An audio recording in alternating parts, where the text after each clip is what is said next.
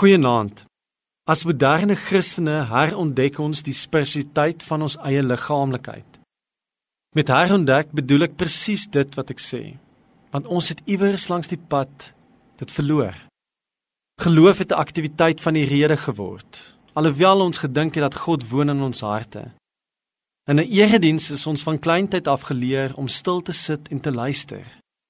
Ons wil weet wat die Bybel sê Ons het selde die geleerdes onder ons bevraagteken. Ons het opgekyk na hulle wat die Bybel ken. Dis nou 'n goeie Christen daai. Jy moet sien hoe haar Bybel onderstreep is, hoor ek dikwels mense sê. Ons het oor die jare heen die kerk met 'n liggaam vergelyk, maar selde het ons oor ons eie liggaamlikheid gedink. Tussen sede preke oor sondes van die vlees en die groot fokus op die rede as woonplek van geloof, het ons oor die jare afgeleer om met ons lywe te bid te glo en te leef. En tog is die Bybel duidelik. Jou liggaam is 'n tempel. Jy en jou besonderse DNA, jy en al die liggaamlike funksies wat elke sekonde van die dag bydra tot jou lewensbestaan. Jy en die uniekheid van jou breinfunksies, jy en die subtiele nuances van jou persoonlikheid. Jy en die historiese agtergrond van jou soort lyf. Jy en die dinge wat jou hoendervleis gee, jy en die veranderlike omgewingsfaktore en jy en die onvermydelikheid van jou eie sterflikheid. Jy is niemand anders as jy en jou lyf nie.